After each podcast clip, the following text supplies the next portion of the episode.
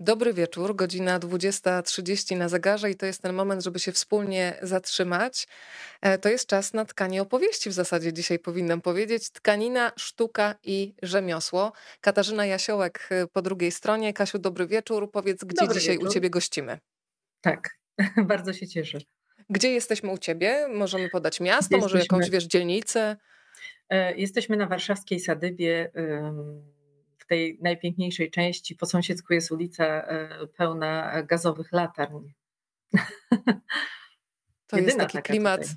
To jest piękny Sadyba klimat. miasto Jerzy, więc e, naprawdę są takie tabliczki tu Sadyba miasto Jerzy, mamy wyjątkowo dużo Jerzy i e, gazowe latarnie. To ja teraz czekam na Państwa. Niech Państwo się meldują, w jakich miejscach Polski i świata dzisiaj z nami jesteście. Przypominam, że to spotkanie można udostępnić. Kasia też teraz na spokojnie możesz to zrobić. Tak, ja tutaj to zagadam, się. tak żeby cię nie stawiać w takiej sytuacji, że nie patrzysz w kamerę, ale nie patrzysz w kamerę dlatego, że udostępniasz i Państwo też mogą to zrobić. I już tłumaczę, jak to zrobić. Pod tymi oknami, w których jesteśmy widoczne, jest taka opcja jak udostępnij. To jest ta skrajna po prawej stronie. Państwo naciskają i ta rozmowa automatycznie pojawia się na Waszej osi czasu. A jeżeli są wśród nas y, widzowie YouTube'owi, to trzeba skopiować adres z wyszukiwarki i przesłać do swoich y, przyjaciół. Im większe grono, tym zawsze jest nam przyjemnie. Ja zawsze powtarzam, że tym, co dobre, należy się dzielić, y, więc taki ruch jest wskazany. Kasia, zacznę od przedstawienia y, ciebie, tym, którzy mm, jeszcze nie mieli okazji cię poznać. Niecały rok temu spotkałyśmy się przy okazji książki Hanna Lachert Wygoda ważniejsza niż piękno. Doskonale to spotkanie pamiętam, ponieważ uświadomiłaś mi, że przez 7 lat mieszkałam obok bohaterki twojej książki, mówiąc jej prawie codziennie dzień dobry, ale kompletnie nie mając e, pojęcia, że była projektantką mebli, projektantką wnętrz, taką e, kobietą z charakterem, że była kobietą z charakterem, to wiem, tak.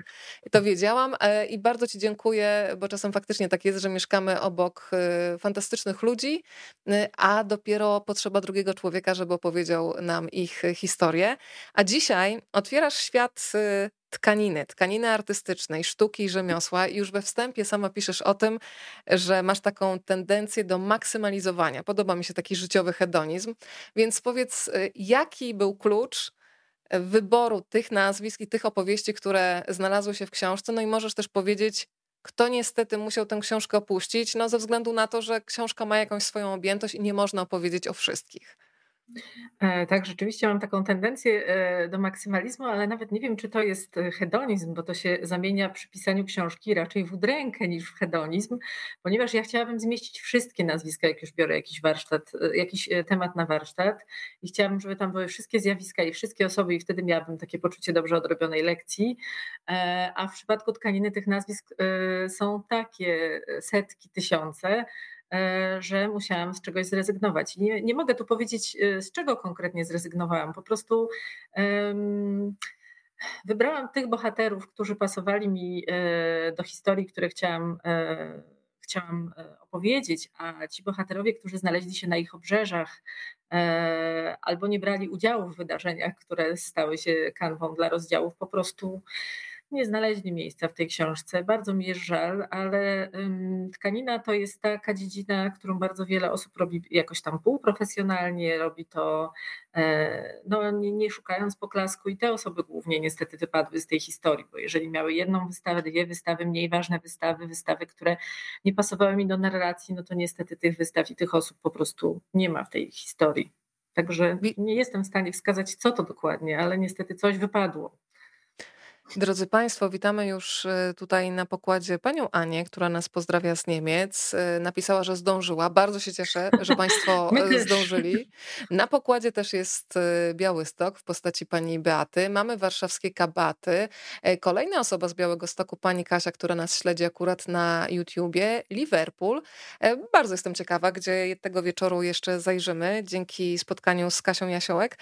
Kasia, pomyślałam sobie, że rozmowa też ma sporo sporo wspólnego z tkaniną. Wymaga czasu, wymaga zatrzymania, wymaga uwagi.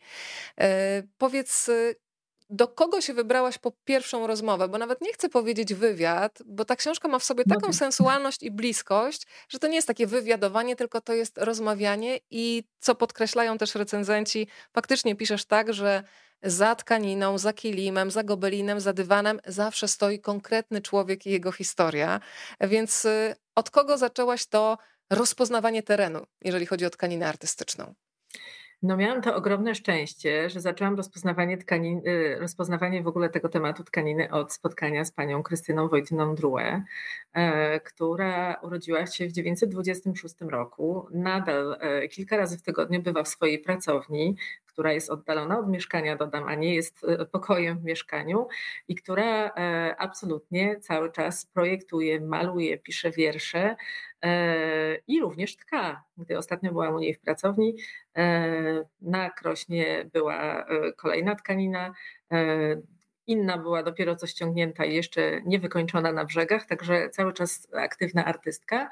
I to jest artystka, która mm, cieszę się bardzo, że od niej zaczęłam, bo raz, że to jest wspaniały człowiek, taki optymistyczny bardzo, a dwa, że E, że to jest osoba, która pokazała mi e, tę magię tkaniny. I właściwie ta myśl o tym, że tkanina to jest takie bardzo magiczne e, zajęcie towarzyszyła mi już przez resztę opisywania tych historii, dlatego że pani Krystyna uczyła się od najlepszych, czyli między innymi od, Le, od Eleonor plutyńskiej, naszej królowej tkaniny e, i jej siostry Wandy Szczepanowskiej. E, uczyła się jakby robienia tkaniny od podstaw, czyli e, od pozyskiwania wełny, farbowania tejże wełny, potem osnuwania warsztatu i tkania według jakiegoś tam własnego projektu, zamysłu. No i jak zaczęłam mi o tym opowiadać, to doszłam do wniosku, że to jest po prostu absolutnie magiczne. Nie tylko pracochłonne, co, co, co dało się z tej historii wyłowić, ale przede wszystkim magiczne. Ja ci muszę powiedzieć, że przez ciebie oszalałam i kiedy teraz myślę o urządzaniu y, wnętrz, to od razu mam w głowie kilimy, makatki, gobeliny. To nie są tanie rzeczy, ale też rozumiem, dlaczego to nie są tanie rzeczy, bo wymagają ogromnego nakładu pracy, one są czasochłonne. To powiedz szczerze, na ile w Twoich wnętrzach przed tą książką była obecna tkanina artystyczna? E, czy ona po tej książce, po pracy nad nią wkroczyła dopiero na salony i, i jest obecna? E, ta książka, w przeciwieństwie do, e, do trzech pozostałych, nie była takim szybkim projektem, bo pracowałam nad nią aż trzy lata, co dla mnie jest aż.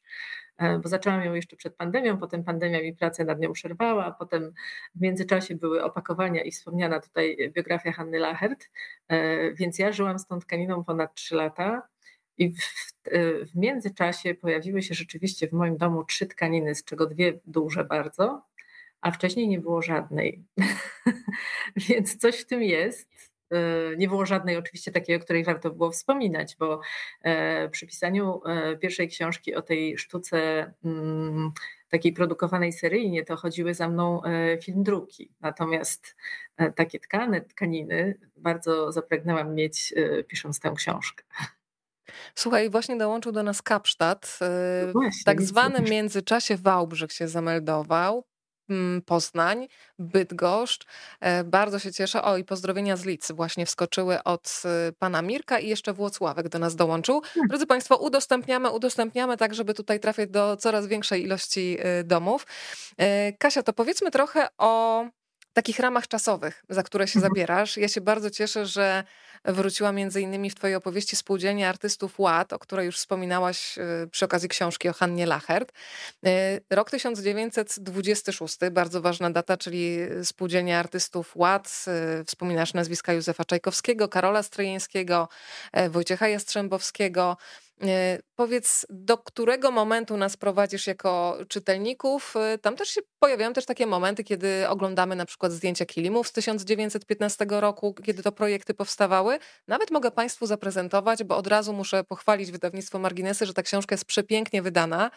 E, są zdjęcia i powiem Ci, że po tych zdjęciach mam ochotę dotknąć tych wszystkich tkanin, to jeszcze ten jeden element, że, że chce się po prostu tego dotykać, żeby mieć taki kontakt wzrokowy, ale też taki, wiesz, namacalny. No to musisz koniecznie coś kupić, bo jednak w muzeach nie pozwalają dotykać. Tak. Aczkolwiek rzeczywiście tkanina jest takim medium, że się ma ochotę dotykać. Jak jestem na otwarciach e, wystaw e, i widzę, jak ludzie obcują z tkaniną, to rzeczywiście od razu, e, od razu wyciągają dłonie, żeby jej dotknąć, podczas gdy no nie robimy tego jednak w muzeum, gdzie, gdzie wisi malarstwo, e, gdzie wisi grafika. no przy rzeźbach to się też może zdarzyć, że ma się ochotę pogłaskać, szczególnie te rzeźby ceramiczne. No drewniane może też ma się ochotę pogłaskać, kamiennych chyba mniej. Natomiast tkanina rzeczywiście jest takim, takim, takim medium, że ma się ochotę z nią poobcować. E, tak, właśnie tutaj e, to, to zdjęcie e, mogłoby, mogłoby zmylić czytelnika, przyszłego czytelnika, ponieważ zapędziliśmy się aż do roku 915. Natomiast ja w zasadzie swoją historię, swoim zwyczajem zaczynam w 1945 roku ale muszę się ze względu na spółdzielnię Ład cofnąć e, do tego 26, a nawet 25 roku, kiedy to e, z wystawy paryskiej przywieźliśmy bardzo dużo nagród, e, za tkaniny oczywiście, bo o innych rzeczach nie mówię. I to pojawienie się spółdzielni ład jest bardzo ważne, dlatego że w spółdzielni ład powstawały aż trzy rodzaje tkanin. Powstawały przed wojną e, kilimy, gobeliny na specjalne zamówienia, bo to były bardzo pracochłonne tkaniny, jeszcze bardziej pracochłonne niż kilimy. E, I powstawały też żakardy, które były potem wizytówką ładu właściwie no, w zasadzie zarówno przed wojną, jak i po wojnie. Natomiast to nie jest, to nie jest ta najważniejsza historia, którą w tej książce chcę czytelnikom opowiedzieć, ponieważ są specjaliści specjalizuje się w tkaninach e, profesor z Poznania Piotr Korduba i, i to, to, to, nie jest mój teren i moja specjalizacja. E, to, co trzeba było o nich już powiedzieć, e, powiedział tu wspomniany. Więc ja sięgam do tej historii, żeby w ogóle mm, jakoś pokazać, gdzie się zaczęła taka ważna historia, która ciągnie się też w czasach powojennych, nie, tak żeby nie urywać wątku. Także zaczynam w 45, ale w 26, a kończę właściwie dziś. Te współczesne tkaniny Najpierw był taki zamysł, że one będą stanowiły większą część książki, natomiast y, ostatecznie trafiły w zasadzie do epilogu i ostatniego rozdziału, dlatego że to jest sztuka, która jeszcze nie okrzepła i Myślę, że przyjdzie czas na pisanie o tkaninach współczesnych za dwie dekady, trzy dekady i nie ja to już na pewno zrobię, tylko ktoś inny mam nadzieję, że e, ulegnie temu czarowi i, i, i się za to weźmie i popatrzy na to po prostu z takiej badawczej perspektywy. Powiem ci, że zaczęłam od tego kilimu, tak jak wspomniałaś, e, no on jest odległy, ale popatrz, rok 1915, a ja przysięgam z ręką na sercu, że dzisiaj z dziką radością powiesiłabym właśnie taki kilim e, na ścianie w domu. Nawet nie chcę sobie wyobrażać, ile on musi e, kosztować, bo to jest właśnie już wartość nie tylko czysto estetyczna, ale kolekcjonerska. E, dzisiaj Państwu pokażemy też inne projekty, już znacznie późniejszych lat. To zacznę, Kasia, od takich rzeczy, które najbardziej sentymentalnie na mnie podziałały. Mam tutaj ulubioną artystkę, nie będę ukrywać. To jest pani, która przypomniała mi o istnieniu czegoś takiego jak materiałowe chusteczki do nosa. Pani Alicja Wyszogrodzka i jeden z jej projektów e, chusteczek dla dzieci. E, powiedz trochę o tym spotkaniu i o odkrywaniu e, tej drogi artystycznej pani Alicji. E, pani Alicja Wyszogrodzka, e, jak wiele projektantek tkaniny, skończyła e, łódzką Państwową Wyższą Szkołę Sztuk Plastycznych i trafiła do Instytutu Wzornictwa Przemysłowego. I właściwie z tą instytucją jest najbardziej kojarzona. Jest taką najbardziej aktywną projektantką tkaniny, tej takiej nowoczesnej, kojarzonej z New Lookiem, z tkaninami po 1955 roku, tkaninami drukowanymi, zarówno do wnętrz zasłonowymi, jak i tkaninami na sukienki. E, chyba jej taką ikoniczną e, tkaniną jest tkanina panny, czyli zielone tło e, i takie kontury dziewczyn, które są ubrane jak klasyczne kociaki z lat 50., czyli sukienka na sztywnej, spódnica na sztywnej halce, bardzo rozkloszowana, balerinki, pewnie według przepisu Barbary Hoff, czyli, czyli wycinane z trampek i E, do tego taka bluzeczka z opuszczonymi ramionami, czyli taka klasyczna sylwetka e, na przykład z filmu Do widzenia do jutra. E, ktoś mi powiedział, że pani Alicja nie lubi tej tkaniny, ja ją absolutnie uwielbiam. Ale pani Alicja bardzo dużo projektowała. Ja trafiłam do niej E, jeszcze pisząc e, pierwszą książkę, natomiast teraz miałam drugi pretekst, żeby się pojawić w jej domu. E, mieszka niedaleko mnie, parę przystanków autobusowych i ma bardzo dużo projektów swoich tkanin w domu, między innymi te chusteczki, które tutaj pokazałaś. Przykład chusteczki to jest wszystko malowane farbami ręcznie, farbami jakimiś tam, nie wiem, piórkami, flamastrami czy czymś. Te kontury są zrobione. Do tej książki pozwoliła mi sfotografować trochę takich projektów. Nie wszystkie weszły do książki, no bo zajęłyby bardzo dużo miejsca, gdybym chciała wszystkie włożyć. Natomiast to pokaz, jej, jej jakby historia projektowania pokazuje, jak się ogląda projekty u niej, E, to jest taka podróż przez mody, bo to, są, bo to jest ten new look na tych chusteczkach, ale potem e, idziemy i są już w latach 80. na przykład te łączki, które pamiętam na tkaninach takich sukienkowych, a potem są już takie maziaje malarskie, takie szersze, większe kwiaty, takie no po prostu lecimy przez mody e, wraz z oglądaniem kolejnych teczek z kolejnymi projektami. Projektowała dywany, projektowała, e, no właśnie, bardzo dużo tych wzorów kwiatowych. Były takie motywy indyjskie, motywy przyrodnicze. Generalnie wszystko, wszystko co się przez dekady jej projektowania E, przetoczyło. To wszystko widać w jej projektach, więc taki przewodnik po modzie wnętrzarsko-odzieżowej. E, projektowała ścierki, e, jakieś takie zupełnie też prozaiczne rzeczy, co pokazuje to, co nie każdy sobie, z czego nie każdy sobie zdaje sprawę, czyli wszystkie te rzeczy, które nas otaczają, są projektowane przez kogoś. One się nie biorą znikąd. No to y, pojawia mi się od razu w głowie takie hasło piękno dla wszystkich. To też jest y, jedno z haseł, które towarzyszyło jednej z Twoich y, bohaterek. I podoba mi się to w Twojej pracy, Kasia, i za to Ci dziękuję, że uświadamiasz właśnie że to piękno może być dostępne na wyciągnięcie ręki, tylko trzeba się trochę zatrzymać. I myślę, że też cała historia, której opowiadasz, pokazuje, że artyści oczywiście tworzą też czasami taką sztukę, która jest niedostępna ze względów chociażby ekonomicznych, ale jest też dużo taki, y, takich grafik, y, tutaj jeżeli chodzi o tkaninę również artystyczną, takich prac, które już y, właśnie przez to, że są na przykład wykonywane maszynowo, nie tracą ze swojego piękna, a dzięki temu mogą być też dostępne dla szerszej ilości osób, nie tylko dla wybranych. Tak, rzeczywiście y, w tej y, książce jest, y, są, jest całe spektrum tych tkanin. Chusteczki do nosa, które mógł kupić każdy i te tkaniny, których projekty tutaj widzieliśmy, które były dostępne normalnie w sklepach. Jak się miało szczęście, to można było kupić i uszyć sobie z tego sukienkę czy zasłony. Poprzez żakardy, które na przykład były bardziej dostępne niż kilimy, bo było je łatwiej zrobić y, na, na, y, na maszynach żakardowych.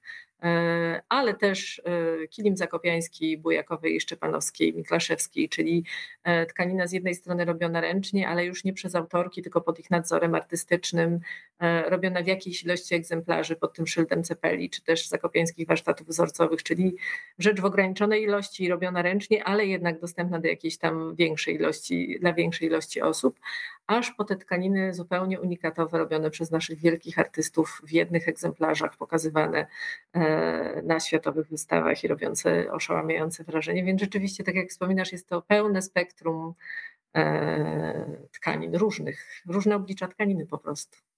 Przy lekturze twojej książki przypomniało mi się słowa Tomka Sikory, fotografa, że przedmioty bywają czasami wytrychami dla naszej pamięci i faktycznie tak to działa. Ja się przeniosłam myślami do różnych makatek i kilimów w domu mojej babci. Widzę, że pani Agnieszka pisze o tych ścierkach e, kupowanych jeszcze przez babcie, które się przypominają już teraz dzięki naszej rozmowie.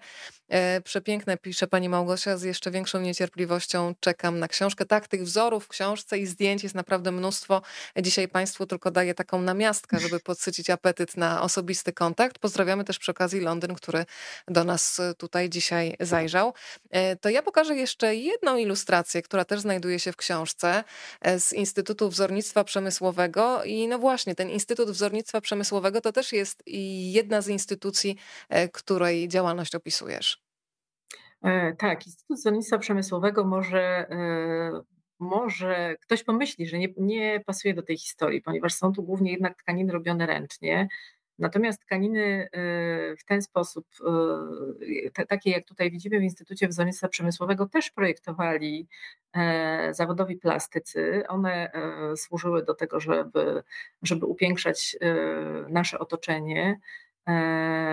Tutaj mamy historię Wandy Telakowskiej, E, która, mm, która przewija się przez instytucje, przez y, e, Biuro Nadzoru Estetyki Produkcji, potem przez Instytut Wzornictwa Przemysłowego, który działa do dzisiaj.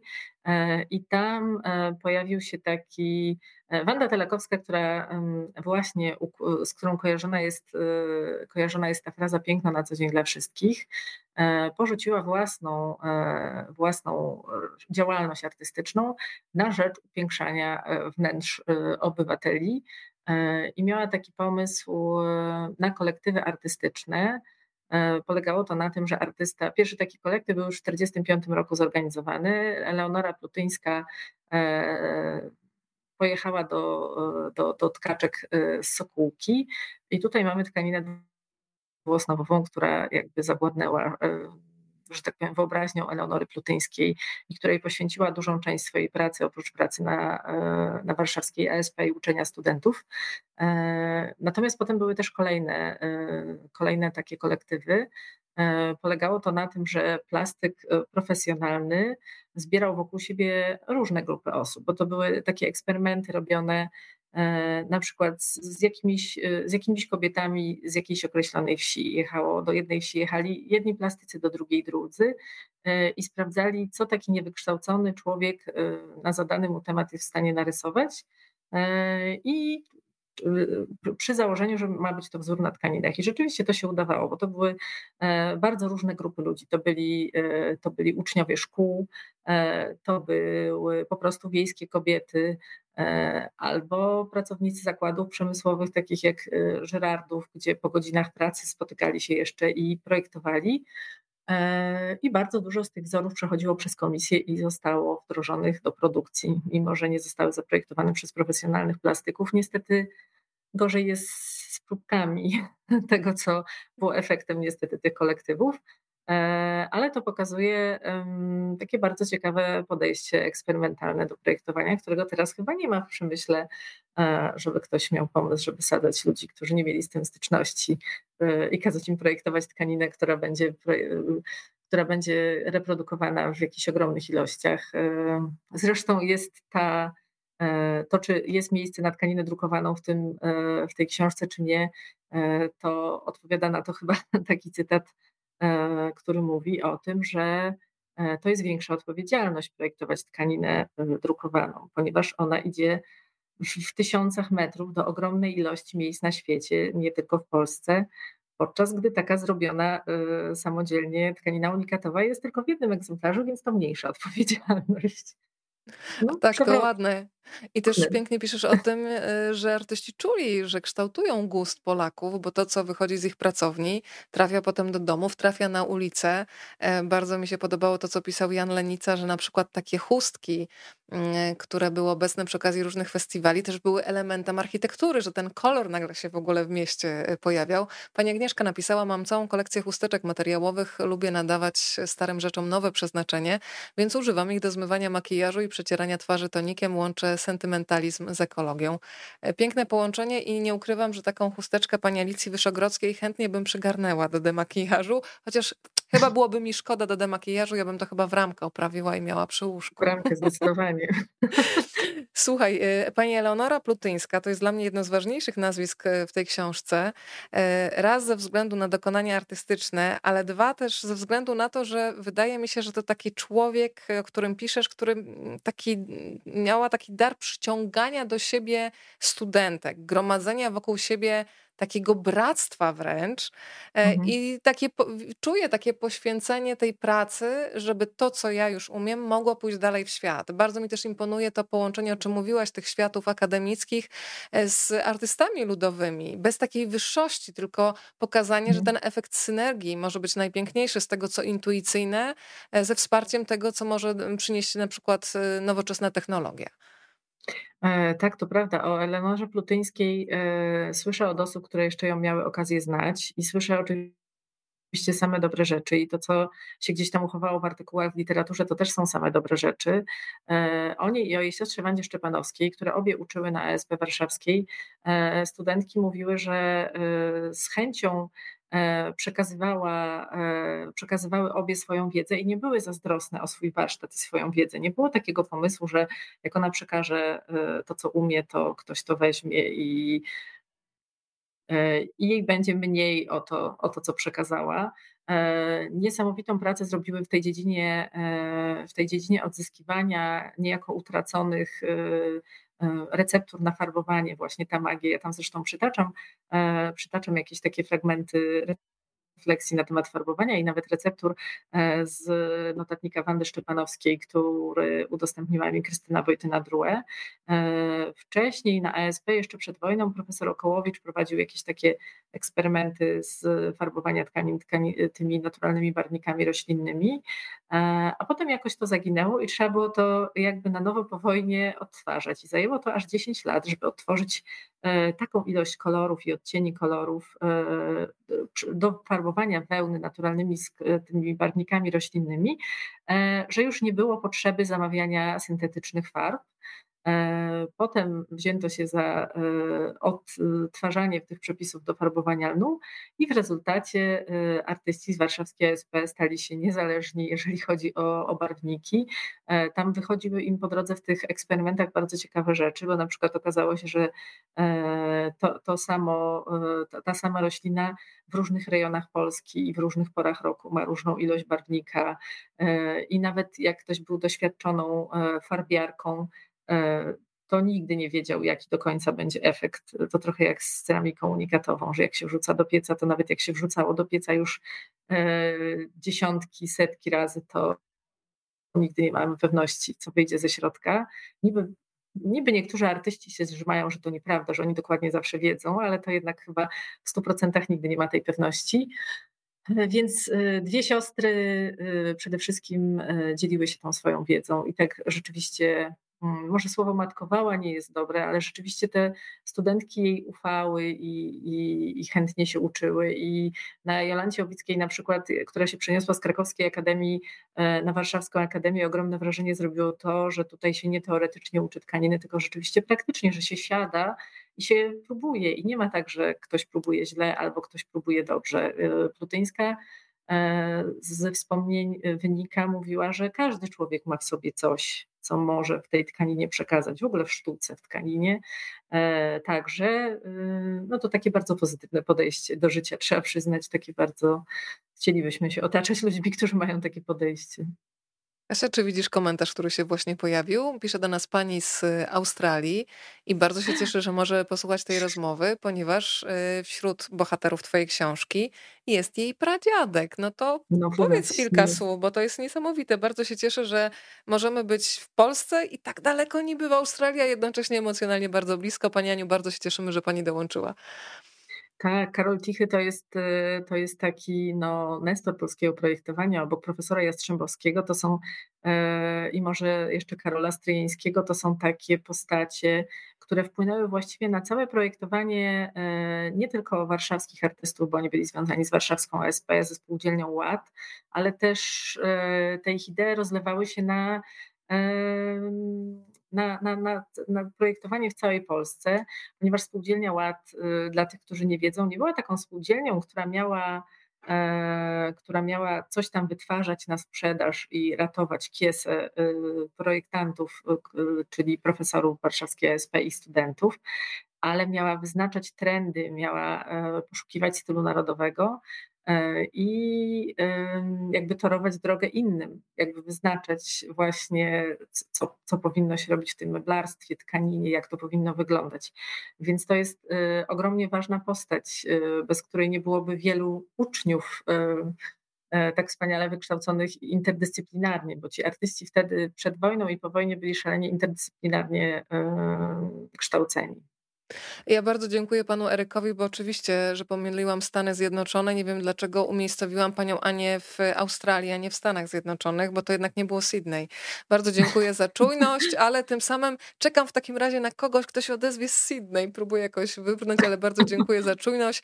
To na S i to na S, ale jednak kompletnie inne e, strony świata, ale bardzo się cieszę, że Karol e, Tichy w tej opowieści się e, pojawia. Słuchaj, to ja bym jeszcze wprowadziła do nas to nazwisko już chyba padło, Maria Bujakowa, prawda? Ale przy tak. okazji pani Marii też przenosisz nas w zasadzie do końca wieku XIX. Teraz się muszę podwójnie koncentrować, skoro potrafiłam pomylić Stany Zjednoczone z Australią. Krajowa Szkoła Koronkarstwa. E, dla mnie było to zaskakujące, bo czytałam sporo o Helenie Modrzejewskiej, o tej Helenie Modrzejewskiej, słynnej aktorce, ale nie miałam pojęcia, pojęcia, że miała w swój udział w ufundowaniu no, szkoły, która potem kształciła kolejne artystki.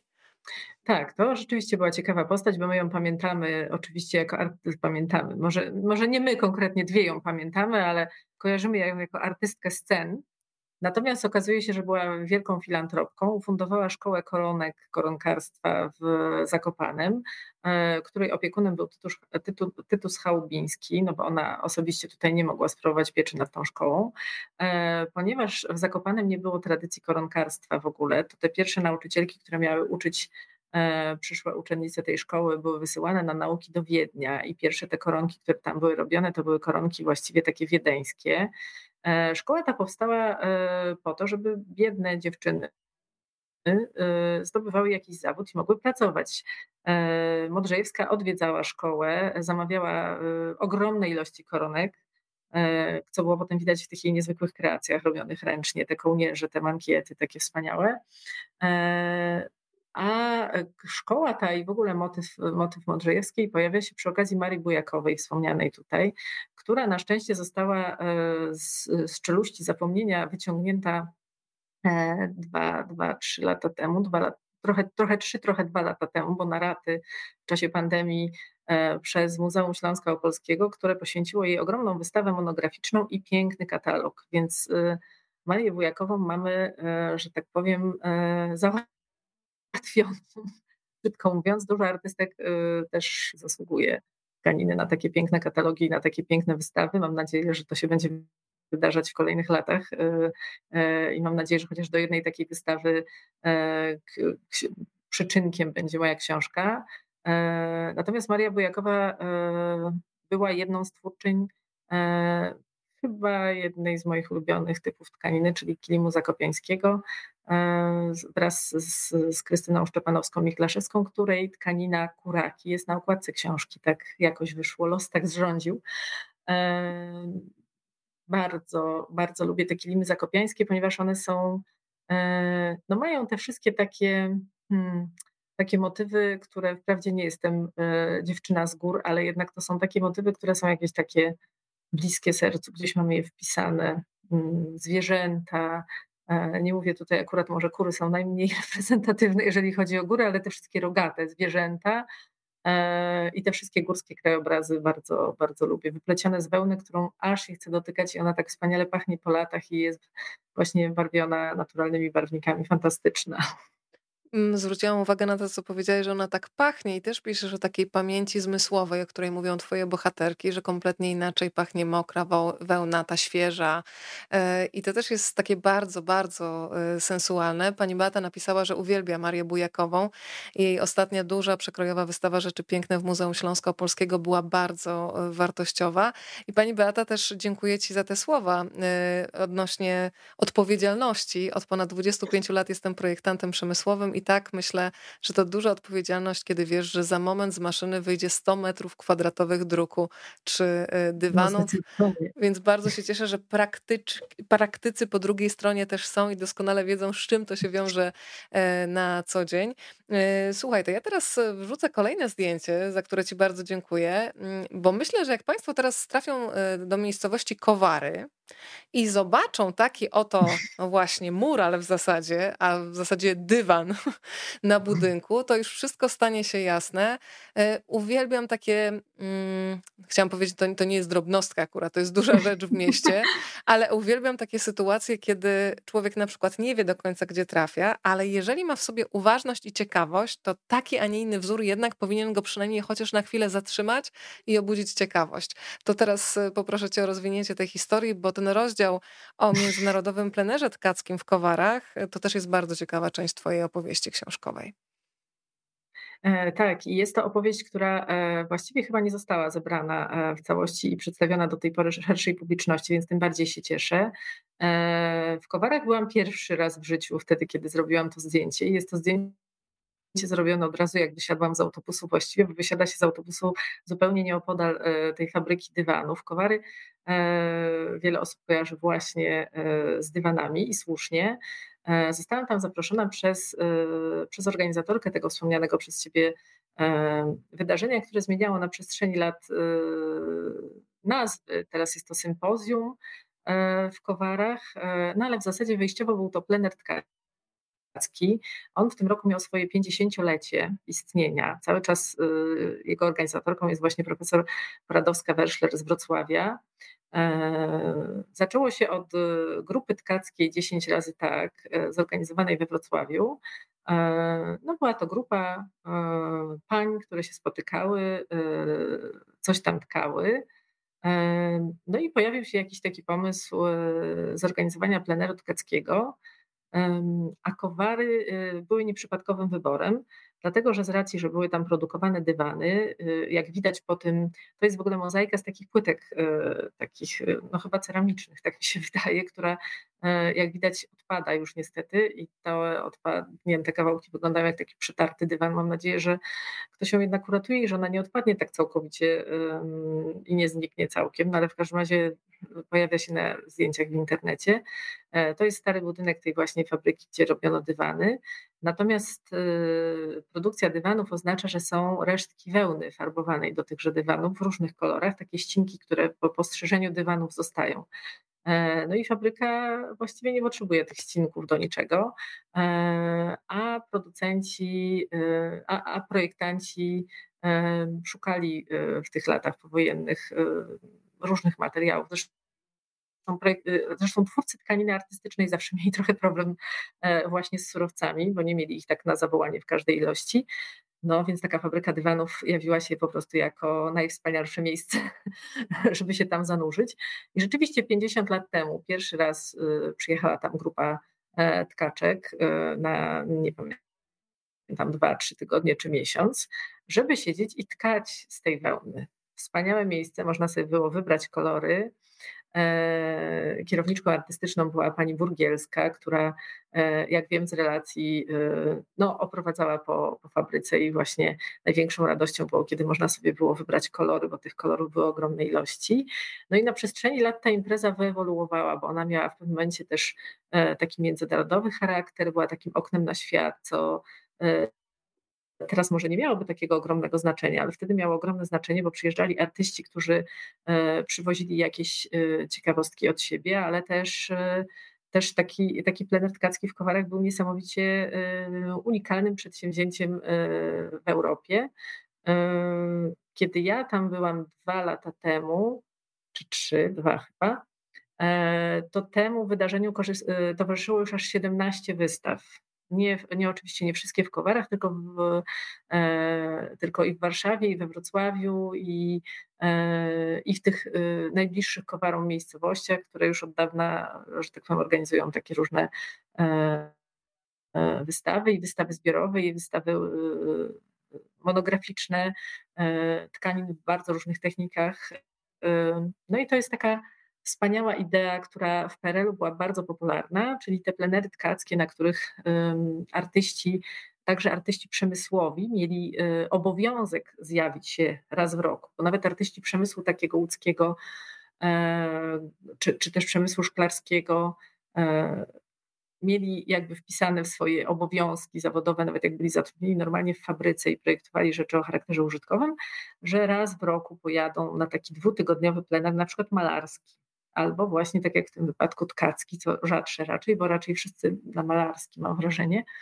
E, no i to jest taki, dzisiaj e, oczywiście również tam artyści jeżdżą, mm, no i to jest taka chwila oddechu dwutygodniowa. E, Kowary są pięknym miastem, takim trochę podupadłym po upadku fabryki dywanów niestety, ale mającym swój ogromny urok. No i można tam spędzić czas. E, wymienić się doświadczeniami, spróbować nowych technik tkackich, e, posłuchać o tym, co się w ostatnim roku działo na świecie w dziedzinie tkaniny. Twórcy, którzy tam przyjeżdżają, zaproszeni, opowiadają o wystawach, które widzieli, o tym, co sami zrobili odkryli. E, no, ma to duży urok. Patrzę z ogromnym sentymentem e, na bok tej właśnie fabryki, bo myślę sobie, że tak się potrafimy zachwycać na przykład tym, co jest w Portugalii, płytkami azuleżusz i tak dalej. E, a tutaj jest coś tak wyjątkowego i mam naprawdę szczerą nadzieję, że to nie zginie, nie rozsypie się, bo szczerze mówiąc, e, gdybym była włodarzem takiego miasta, to naprawdę inwestowałabym dużo, żeby no coś, co jest, co stanowi o tradycji i historii miasta, było zadbane, bo no tutaj widzimy no już na takim etapie, to ma oczywiście swój urok, trochę tak jak w starej na przykład Lizbonie no tak. kiedyś, tak. ale y, to jest też już, te, ja to zawsze nazywam takim umierającym pięknem, że jest taki moment, kiedy stare jest ok, ale jeżeli pozwolimy na kolejny krok, to to po prostu zniknie, a, tak. a tego byśmy na pewno bardzo nie chcieli. E, słuchaj, w tym roku 50. urodziny Kowarskiego Pleneru, e, jak piszesz. Ja się bardzo cieszę, że cały czas e, dzięki Twojej książce mogę wracać do przeszłości do, tak jak wspominałam, do lat 20., 30., 50., ale bardzo się też cieszę, że pokazujesz nam współczesne miejsca, które wracają do tej tradycji tkackiej. Ja już e, powiem Ci, że oszalałam e, i mam już takie swoje ulubione makatki z pieskami w jednej z pracowni, o której piszesz. To powiedzmy trochę o splocie i o Tartaruga Studio, tym bardziej, że dzisiaj odkryłam, że Tartaruga po portugalsku znaczy żółw, nie bez przyczyny. Nie bez przyczyny, bo tkactwo, e, wszyscy, którzy wiedzą, e, z czym to się je, to wiedzą, że nazwa żółw idealnie pasuje do tkactwa. E, tak, rzeczywiście tkanina artystyczna w ogóle ma teraz dobry moment, bo ona, bo ona wspaniale wraca, wraca do wnętrz. Troszeczkę ludzie się ją, jej przestają bać. E, troszeczkę mam wrażenie, że też wróciła z tą modą na powojenny design, że najpierw się kupowało trochę szkła i ceramiki, bo to było łatwiejsze, mniejsze, e, łatwiejsze do oswojenia, ale jak już się zapełniło regały, serwantki e, porcelaną i szkłem, no i nakupowało się trochę mebli, szczególnie spółdzielni ład, to nagle się okazało, że brakuje tam jeszcze zdecydowanie jakiejś fajnej tkaniny, więc ona trochę wróciła tędy, a trochę też wraca normalnie ze współczesnymi trendami.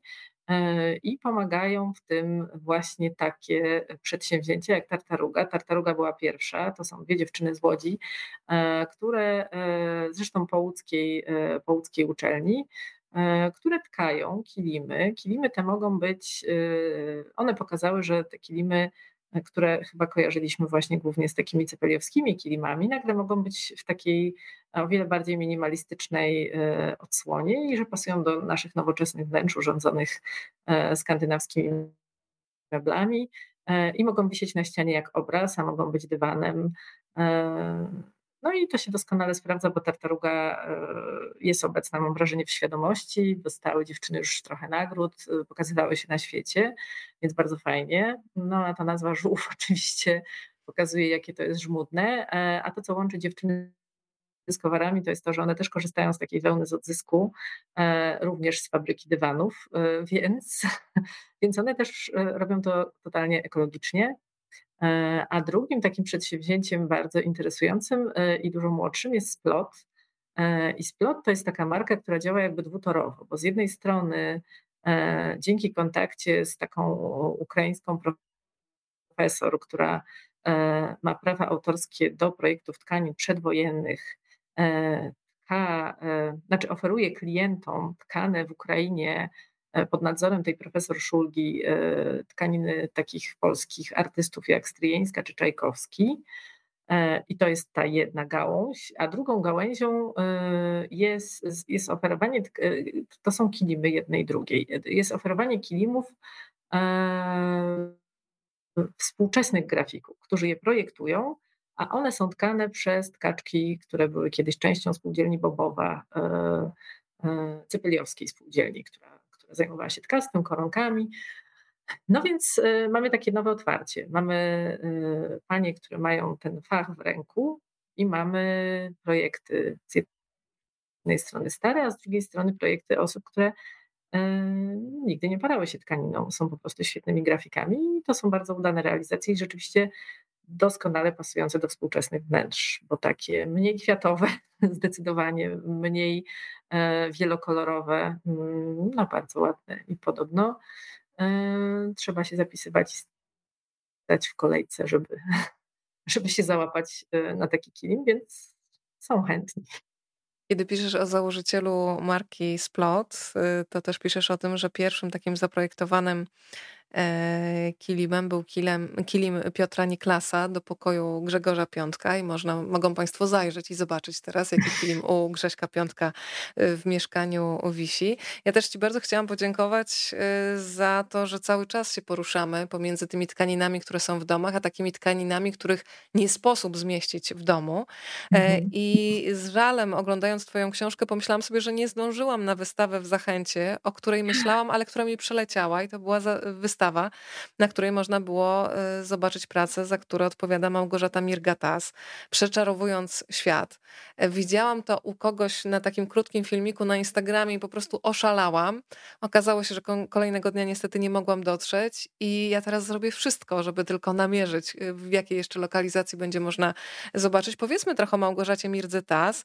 E, jedno zdjęcie mam tylko dla Państwa, ale od razu mówię, że to trzeba zobaczyć, podejść z bliska i zobaczyć ilość detali, tak, tak, bo nie oddaje chyba tego piękna, tak mi się wydaje. Nie oddaje przede wszystkim tej techniki. Mirka Tas to jest, y, to jest tkanina współczesna, natomiast poświęciłam jej w tej książce oddzielny rozdział e, a nie, y, nie starałam się upchnąć tych wielkoformatowych tkanin do, e, do epilogu. E, to są właśnie, jak widać tutaj, tkaniny, które są aż od podłogi do sufitu w zachęcie w ogromnej sali, na wszystkich ścianach. One zostały zaprezentowane pierwszy raz w pawilonie polskim w Wenecji w 2022 roku. E, to było to, co wybraliśmy e, do naszego pawilonu. I, mm, I one są robione w zupełnie innej technice niż wszystkie techniki, które opisuję w tej książce wcześniej, ponieważ to jest taki rodzaj naszywanki właściwie, bo bazą jest, y, bazą jest jeden materiał, a ta cała reszta y, postaci zwierząt i wszystkich innych rzeczy jest naszyta y, z innych materiałów i są to materiały zawsze z odzysku. Jest to historia Romów, właściwie alternatywna historia Romów, stąd ten tytuł Przeczarowując świat, bo jest to historia y, bez tych wszystkich y, negatywnych konotacji i trochę też historia kobiet, które widać tutaj w tym dolnym rzędzie. E, bardzo często kobiet z rodziny y, artystki.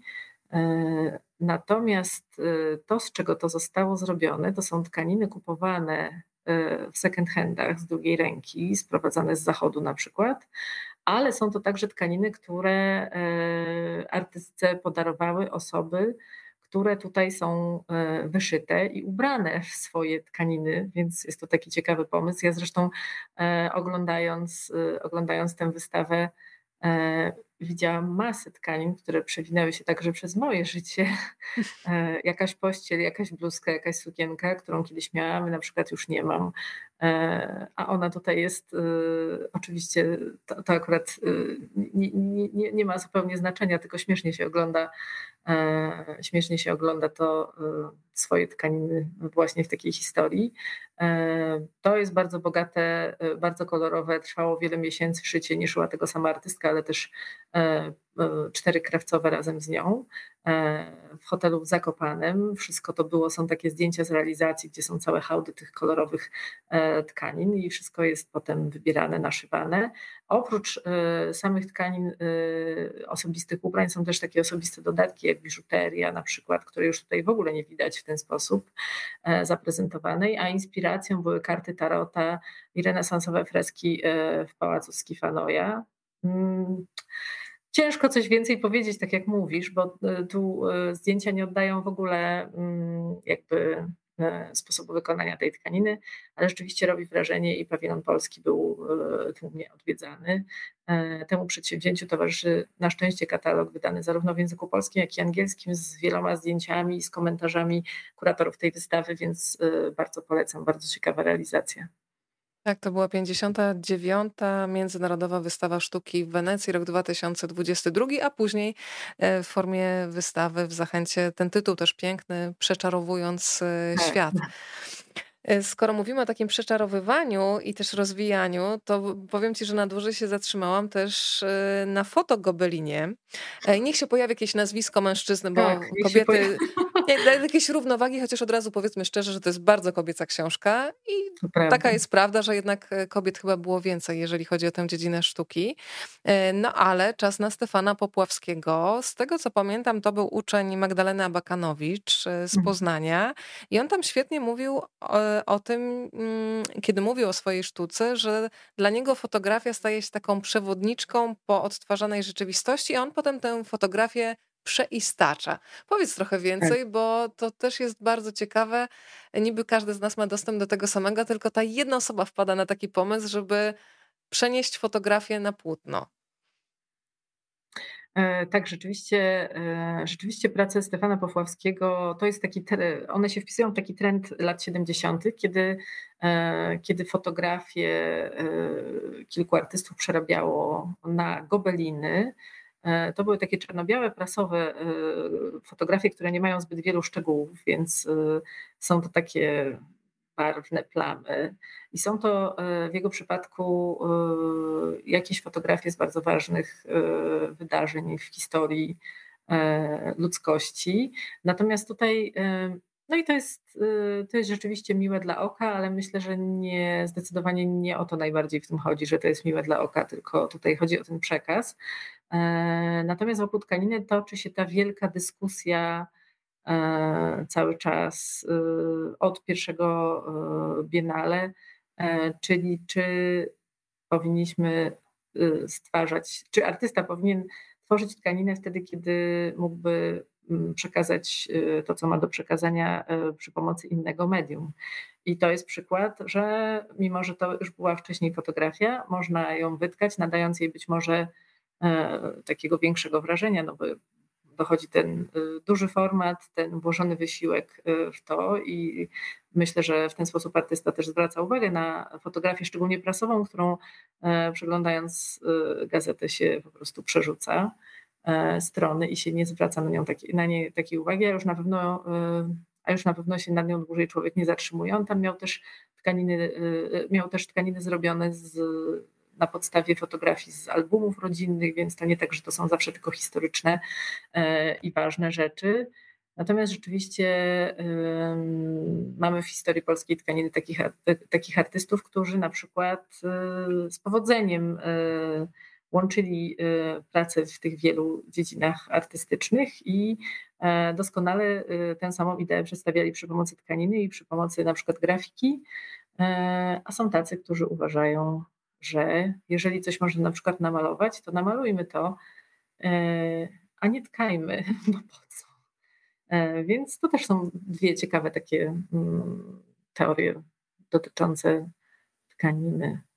Tych ciekawostek, szczególnie dla takiego człowieka jak ja, który jest spoza branży artystycznej, jest mnóstwo w Twojej książce. Na przykład dowiedziałam się, że polscy artyści, którzy jeździli na Biennale Sztuki do Lozanny, E, jeździli na taką imprezę, w której nie było nagród. To mnie zaskoczyło, bo zawsze mi się, wiesz, kojarzy hasło Biennale, od razu mamy pierwszą nagrodę, drugą, trzecią, wyróżnienia.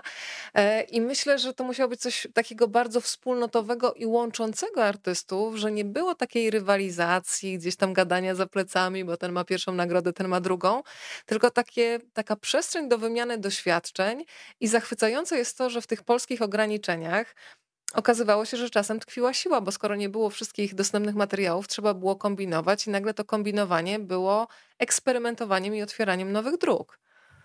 Tak, to prawda. My pokazaliśmy to już przy okazji pierwszego Biennale. Pierwsze Biennale w Lozannie odbyło się w 1962 roku.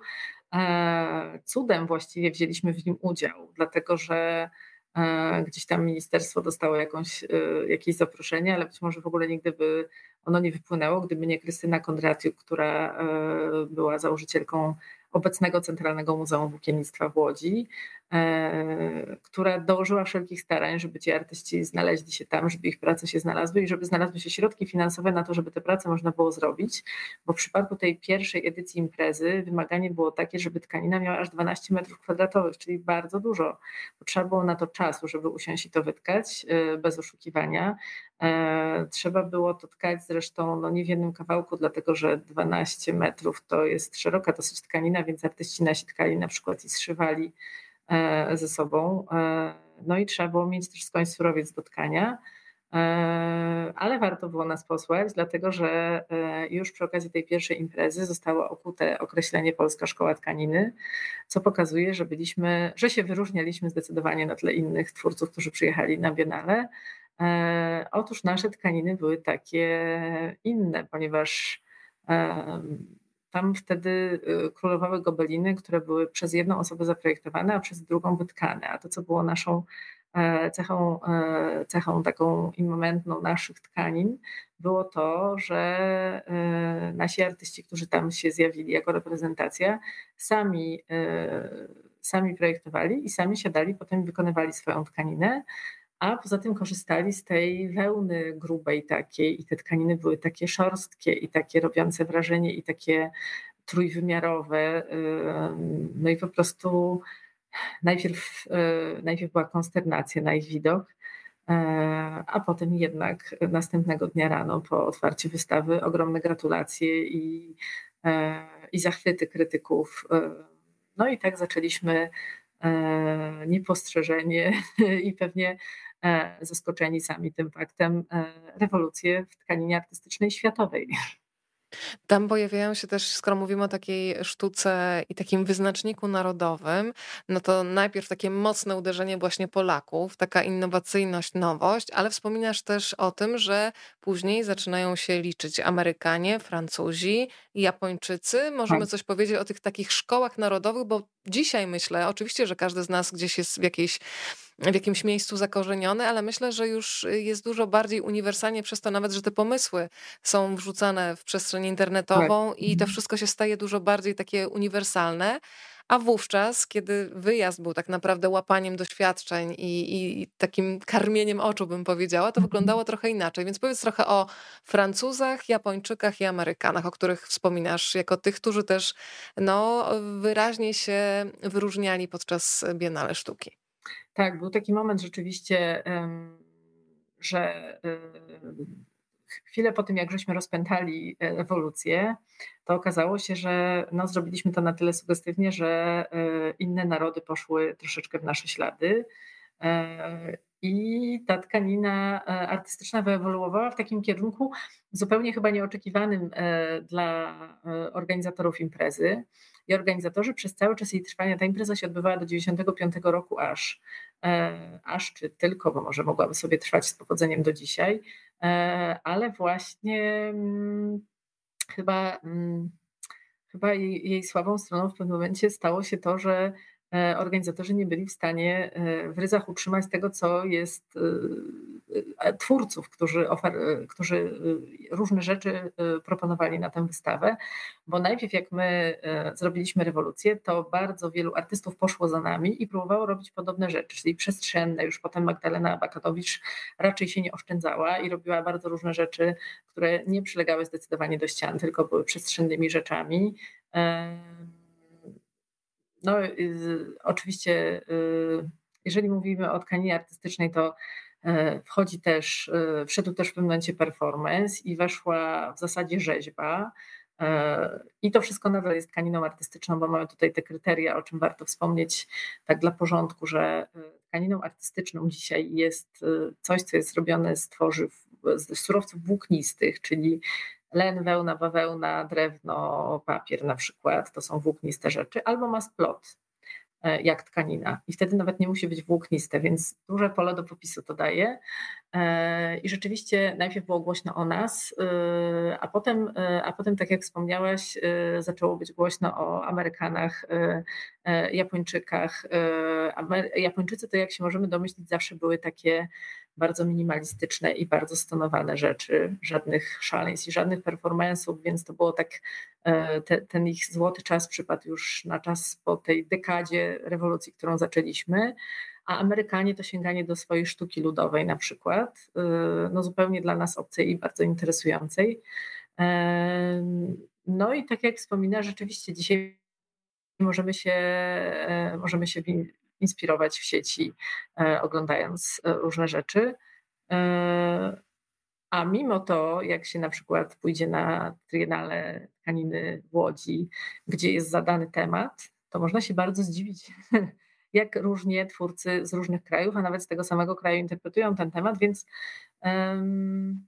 jakoś nie sprawiło to, że, że można podglądać innych, że, że, że te dzieła są takie do, jakieś do siebie podobne, upodobnione. W każdym razie rozpętaliśmy rewolucję, potem rewolucja zjadła własny ogon, e, bo się okazało, że mm, bardzo wielu twórców e, stawia na efekt wow, natomiast tak potocznie po dzisiejszemu ujmując sprawę, i nie ma za tym żadnego takiego przekazu, jaki powinna nieść ze sobą sztuka. No i nastąpił powrót do korzeni, ale my mogliśmy sobie wracać do korzeni, ponieważ byliśmy świetnymi rzemieślnikami, e, a mając to rzemiosło w garści, nasi artyści mogli wrócić e, do tego bez problemu i nie musieli e, jakby robić prac nastawionych tylko na efekt ja się bardzo cieszę, bo właśnie miałam Państwa zachęcać do zadawania pytania. Widzę, że jest z nami też Sylwia Ziętek, z którą niedawno rozmawiałyśmy o książce Tylko one, Polska sztuka bez mężczyzn. Tam też się Magdalena Bakanowicz przewijała. I Sylwia właśnie pisze z Luksemburga, e, tkanina i performance. Bardzo mnie to zainteresowało. E, czy mogę prosić o jakieś przykłady? E, na przykład artyści chodzili ubrane, ubrani w elementy tkanin po, po wystawie taki przykład performance'u gdzieś tam znalazłam w jednym z artykułów, bo u nas y, te, te, te, te nasze dokonania i światowe dokonania e, na Biennale w Lozannie e, opisywały na łamach przekroju e, Irena Hum i Danuta Wróblewska. Po pierwszej, po pierwszej edycji Biennale także Jolanta Owicka napisała co myśli o tym, jak zostały ułożone prace, czy dobrze, czy źle. Więc takich mieliśmy, że tak powiem, recenzentów, y, no oprócz refleksji tych pierwszych Lozańczyków, którzy po prostu opisywali swoje osobiste doświadczenia, jak bardzo byli zszokowani, że tak zszokowali swoją sztuką całą resztę publiczności. Więc e, trochę takie podglądanie tej imprezy przez dziurkę od klucza z naszej perspektywy, niestety. E, wzbogacone o czarno-białe zdjęcia, co też jest trochę niefortunne z dzisiejszej perspektywy, ale właśnie takie przykłady, takie przykłady performance'u, że były jakieś namioty, w których były poduszki, można było wejść do tych namiotów i rzucać się poduszkami, albo właśnie artyści ubrani w tkaniny e, przechadzali się po salach. No. To ja jeszcze muszę, Zapytam cię jeszcze słuchaj o takie nazwisko, y, bo to jest taka sztuka, która nie umiem powiedzieć, co, co we mnie robi, ale mnie porusza, czyli Maria Łaszkiewicz. E, w mhm. książce można znaleźć jej pracę e, Cień 2 na przykład. E, to są zdjęcia z Centralnego Muzeum Włóknictwa, Włókiennictwa w Łodzi. Nie mam akurat takiego zdjęcia, które by mogła Państwu udostępnić na planszy, ale może tutaj chodzi mi o to, że, że, że naprawdę się wchodzi w środek jakiejś opowieści, bardzo takiej organicznej, bym powiedziała. E, co możemy powiedzieć o pani Marii Łaszkiewicz? Bo to też jest jedna z Twoich bohaterek. E, piszesz o tym, że te umiejętności tkackie wyniosła ze swojego rodzinnego domu na Litwie. E, studia rozpoczęła potem w Rydze, przeniosła się do Paryża, uczyła się rysunku i bardzo często te historie kobiet, które opisujesz, to są takie talenty, powiedziałabym, e, naprawdę mm, one skręcają w różne ścieżki, bo jest i rysunek, i malarstwo, potem się pojawia takie tkanie, zresztą pięknie piszesz, że czasami można rysować poprzez nić. Jedna z twoich bohaterek tak. nawet używa takiego sformułowania. Tak, rzeczywiście. Maria Łaszkiewicz to jest y, historia jak zwykle skomplikowana, bo te historie e, artystek z tego starszego pokolenia są skomplikowane bardzo mm, przede wszystkim edukacyjnie, bo, e, bo one nie mogły, mm, tak jak dzisiaj artystka, po prostu wstąpić na uczelnię, e, na jeden z uniwersytetów, tylko kształciły się na jakichś kursach, tak jak Maria Bujakowa gdzieś za granicą, potem na kolejnych kursach i kolejnych i nie dość, że nikt nie, e, że, że często było tak, że nikt nie oczekiwał po nich wykształcenia, to jeszcze wykształcenia artystycznego. Więc drogi były różne. One umiały zazwyczaj malować, bo to była podstawa wykształcenia tego plastycznego. Maria Łaszkiewiczowa to była artystka związana potem finalnie z Warszawą.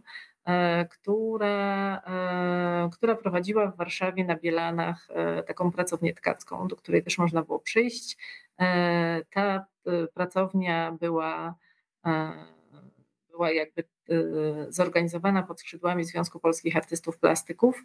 I właściwie to, co zostało teraz z tej pracowni, to jest pracownia, która mieści się w Domu Artysty Plastyka na Mazowieckiej 11 i to jest pracownia mm, sekcji tkaniny, gdzie jeżeli jest się członkiem ZPAP, można przyjść i można tkać, więc są nadal takie miejsca, bo, jeżeli, bo niestety tkactwo to nie jest taka rzecz, którą można robić y, znaczy można robić w domu, ale jeżeli chce się używać na przykład dużego warsztatu albo robić to na dużą skalę, to niestety z takiej wełny się bardzo kurzy, no i gdzieś ją trzeba przechowywać.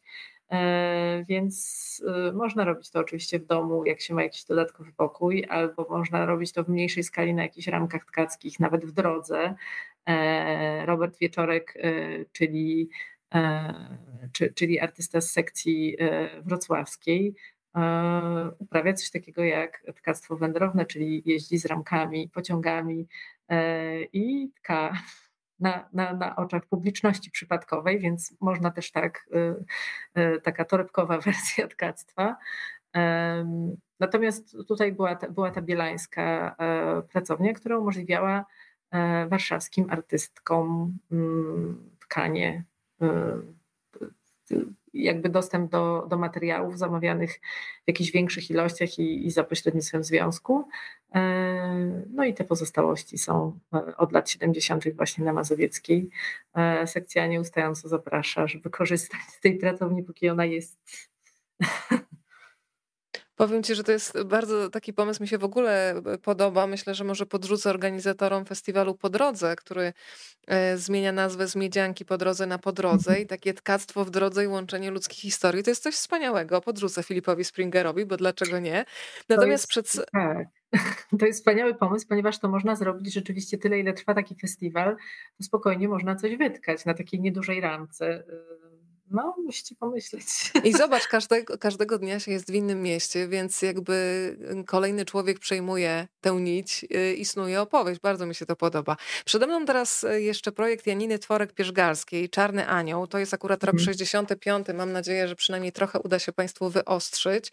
E, bardzo lubię, to jest takie ascetyczne, kojarzy mi się w ogóle z jakimiś drzeworytami e, piękne. No właśnie, ale wiesz dlaczego kojarzyć się z, z drzewami? Dlaczego? Właśnie dlatego, że jest to przykład artystki, e, która działała w dziedzinie grafiki warsztatowej i to była jej pierwsza dziedzina, a potem zaczęła tkać gobeliny i bardzo często jakby swoje projekty y, przygotowane na potrzeby grafiki warsztatowe e, przerabiała na gobeliny, więc jest duża szansa, że to, co pokazujesz, miało swój pierwowzór w grafice, tylko w takiej mini wersji, E, I tu jest przykład na to, jak doskonale sprawdziło się w takiej ogromnej wersji e, wełnianej, wytkanej. E, jest to przykład, że nie należy się przejmować, że jeżeli coś można zrobić w, innej, w innym medium, to nie można już tego zrobić w tkaninie. Państwo pozdrawiają z różnych stron. E, ośmielam do zadawania pytań. E, bardzo się cieszę, że Państwo też się dzielą swoimi doświadczeniami. Pani Ania z Jury Krakowsko-Częstochowskiej pozdrawia. Nie mogę się doczekać wolniejszych dni. Książka już czeka na mnie na półce. Amatorsko eksperymentuję z łączeniem runa wełnianego z odzyskanym lnem, tworząc małe formy. Bartko nie jest mi obce. E, to muszę Cię, Kasia, zapytać, czy po tym spotkaniu i po tej całej masie wiedzy teoretycznej, czy Ty odkryłaś w sobie taki, taką chęć, żeby się pobawić, bo ja na przykład ostatnio się, wiesz, zapisałam na zajęcia z ceramiki, czułam się trochę jak dziecko i też miałam taką wyrozumiałość rodzica wobec siebie, że wyszło mi tak średnio, ale było pięknie. Ale chodzi o ten sam moment takiego zwolnienia i bycia w jakimś procesie i kiedy pozwalasz się prowadzić tutaj glinie, a tutaj tkaninie. Masz mhm. coś takiego? Nie mam czegoś takiego w ogóle. Nie miałam czegoś takiego przy glinie i nie mam czegoś takiego przy tkaninie, bo ja w ogóle nie mam tego momentu zatrzymania. Może gdybym miała e, gdybym miała tę możliwość e, zatrzymania się, to może to by się zdarzyło, ale ja e, miałam udział, przez, e, miałam okazję przez trzy lata jeździć na plenery ceramiczno-rzeźbiarskie do Bolesławca i pisać tam katalogi i łaziłam za twórcami, chodziłam po zakładach ceramicznych i byłam cały dzień z nimi tam, gdzie była glina i na wyciągnięcie ręki były piece i można było coś zrobić i nigdy nic nie ulepiłam. E, I tak samo z tkaniną e, nie mam własnej ramki tkackiej i nie utkałam ani jednego centymetra e, na kanwie tych rozmów. Ja jednak zbieram historię, a poza tym jestem w ciągłym biegu i rzeczywiście to do tego się trzeba zatrzymać, ponieważ osoby, które, które uprawiają tkaninę, mówią, że to jest kontemplacja, że to ich tak pięknie wyrywa z dnia codziennego, że one, e, no to zależy pewnie od usposobienia i od charakteru, bo są tacy, którzy by, e, których szlak trafił, jakby mieli siedzieć przy tym warsztacie i tkać, bo to jest no jednak bardzo wolno, e, że tak powiem, przybywa tego, co się robi. E, a są tacy, dla których to jest medytacja, kontemplacja i, i coś, bez czego sobie w ogóle nie wyobrażają dnia, żeby chociaż na chwilę przysiąść i coś zrobić. I to jest absolutnie wspaniałe i trochę im tego zazdroszczę. Z drugiej strony u mnie pisanie jest czymś takim, że, e, że ja bardzo lubię zbierać te historie i lubię je układać po swojemu i przekładać miejscami i przekładać, e, przekładać wyrazy w zdaniu, żeby miało lepszy rytm i myślę, że to jest właśnie dokładnie to samo, tylko w innej wersji. Tak, każdy z nas ma swój talent i faktycznie trzeba ten swój odnaleźć i, i tą drogą y, tutaj tkasz słowa i bardzo dobrze, że je tkasz, bo ja z przyjemnością potem e, przyjmuję. Znalazłam dla Państwa jeszcze tę pracę Stefana Popławskiego, gra z cyklu Szalony Wiek, o której rozmawiałyśmy, czyli ten gobelin, który wychodzi z fotografii. Tak, to jest gobelin, a żeby Państwo mogli to poczuć, to trzeba po prostu wziąć książkę w swoje ręce i, i można wtedy kontemplować. E, wspomniałaś o tym, że czasami właśnie tkanie jest takim wyjściem, ucieczką do innego świata i przypomniałam sobie tę opowieść, kiedy nas zabierasz do mm, wsi Pod Krakowem i tam poznajemy małżeństwo Helena i Stefana Gałkowskich. E, I to jest niezwykła historia o takiej ucieczce przed wojną do baśniowego świata, który właśnie jest tkany. E, Stefan mhm. Gałkowski, powiem tylko, że przez e, jakiś czas był kierownikiem katedry Gobelinu na Wydziale Malarstwa Krakowskiej ASP. Mm, ale powiedz trochę w ogóle o, o, o tej parze i w ogóle o Morawicy. Mm, taka wieś, którą no też właśnie. warto zapamiętać.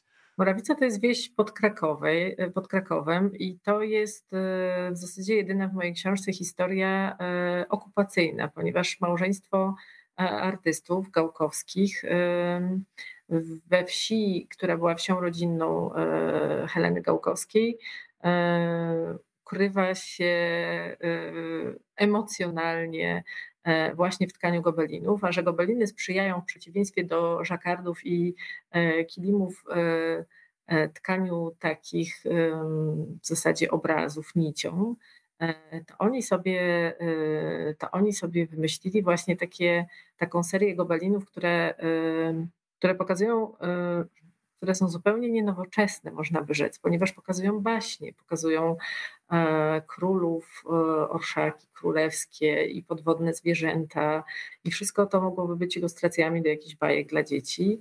E, a to jest taka forma, moim zdaniem, ucieczki emocjonalnej. Gałkowscy tkali w ukryciu, ponieważ nie, nie można było tak oficjalnie zajmować się takimi rzeczami zdobywali wełnę i barwili ją też tymi naturalnymi y, barwnikami roślinnymi. E, a potem po wojnie w 1945 roku te, y, te kilkanaście gobelinów, które powstały w Morawicy, zostały pokazane po raz pierwszy na wystawie e, i potem wędrowały i były pokazywane na wystawach w Polsce i za granicą pan Gałkowski został właśnie profesorem. E, współpracował też ze spółdzielnią Wanda i projektował tkaniny. E, I warto dodać, że co jest jakoś tam nobilitujące dla tkaniny, że te, że te e, gobeliny Gałkowskich były takimi prezentami dyplomatycznymi, bardzo cennymi, ponieważ ich tkanie trwało ogromną ilość czasu i ofiarowanie takiego prezentu jako prezentu dyplomatycznego było no miejmy nadzieję, że te rozproszone po świecie prezenty gdzieś są i są szanowane, a nie że zostały gdzieś, e, gdzieś porzucone. Natomiast e, rzeczywiście piękny, jedyny w swoim rodzaju e, ręcznie wykonany prezent. Także to jest historia, historia Gałkowskich, co pokazuje, że właśnie poszczególne rozdziały albo grupy rozdziałów w mojej książce opowiadają zupełnie różne historie. Starałam się, żeby były pomiędzy tymi rozdziałami jakieś nitki e, łączące je. E, natomiast rzeczywiście nie da się tej historii tkaniny powojennej opowiedzieć tak, żeby to była linearna opowieść i żeby wszystko e, wynikało jedno z drugiego, dlatego że te tkaniny były tworzone w różnych ośrodkach i pomiędzy nimi. Um, nie ma często tej, y, tej, tej części wspólnej, czyli tutaj tkamy, a tutaj malujemy, tu jest jedna grupa artystów i jedna grupa nazwisk, a tu jest druga grupa artystów i druga grupa nazwisk, y, więc musiałam wybrać taką metodę archipelagów y, i te archipelagi obok siebie są to wyspy, które są w archipelagu jednym, ale jednak są oddzielnymi wyspami. Taką, taką miałam, tak w głowie wyglądała konstrukcja tej książki, jak o niej myślałam. Słuchaj, Państwo y, jeszcze Cię pytają tutaj i takie pytanie się spróbuję je znaleźć, bo mi umknęło. Ktoś pytał o technikę. Pani Lidia jest. Dobry wieczór. Chciałam zapytać, czy spotkała się Pani z taką techniką? Na zwykłej lnianej ścierce rysowało się postacie bajkowe, później włóczką elastyczną przeciągało się przez szklaną lufkę, końcówkę włóczki ogrzewało się przy świecy i przyklejało do ścierki. Jejku, ja też sobie teraz coś takiego przypominam. Włóczko odcinało się na określoną Mhm. wysokość i tak po kolei zapełniało się całość. Y, Z kilku kolorów włóczki powstawały piękne makatki. Nigdzie teraz nie mogę spotkać tej techniki. Pani Lidia też mi pani otworzyła w głowie jakąś furtkę, ale nie umiem połączyć, skąd ja to mogę znać. Agnieszka też pisze, e, ojej, pani otworzyła mi jakieś drzwi do przeszłości, coś mi się wyświetla w głowie, ale jakby za mgłą bardzo możliwe, że widziałam kiedyś moją prababcię pracującą tą metodą i było to wspomnienie przygniecione wieloma innymi. Czuję się teraz, e, czuję teraz takie miłe, jednocześnie trochę nerwowe łaskotanie gdzieś w sercu. Dziękuję. No i na tym szczerze, polega sensualność. się nie spotkałam się z taką techniką, ale myślę, że tutaj, e, jest taka publiczność, że, e, że jeżeli tutaj, nikt nie będzie Uruchamiamy śledztwo. powiedzieć, to ten komentarz gdzieś się tam, pośle w świat i myślę, że ktoś, musi wiedzieć. Natomiast ja nie spotkałam się z taką techniką. Jedyne, co robiłam w dzieciństwie z tkaniną, to było oczywiście hartowanie, e, łańcuszkiem akurat w moim przypadku.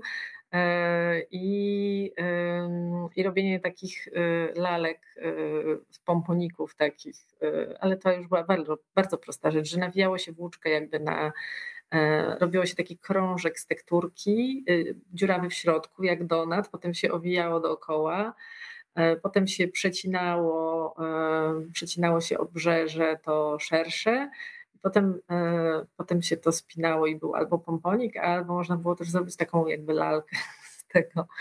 To jest jedyne, co robiłam w dzieciństwie.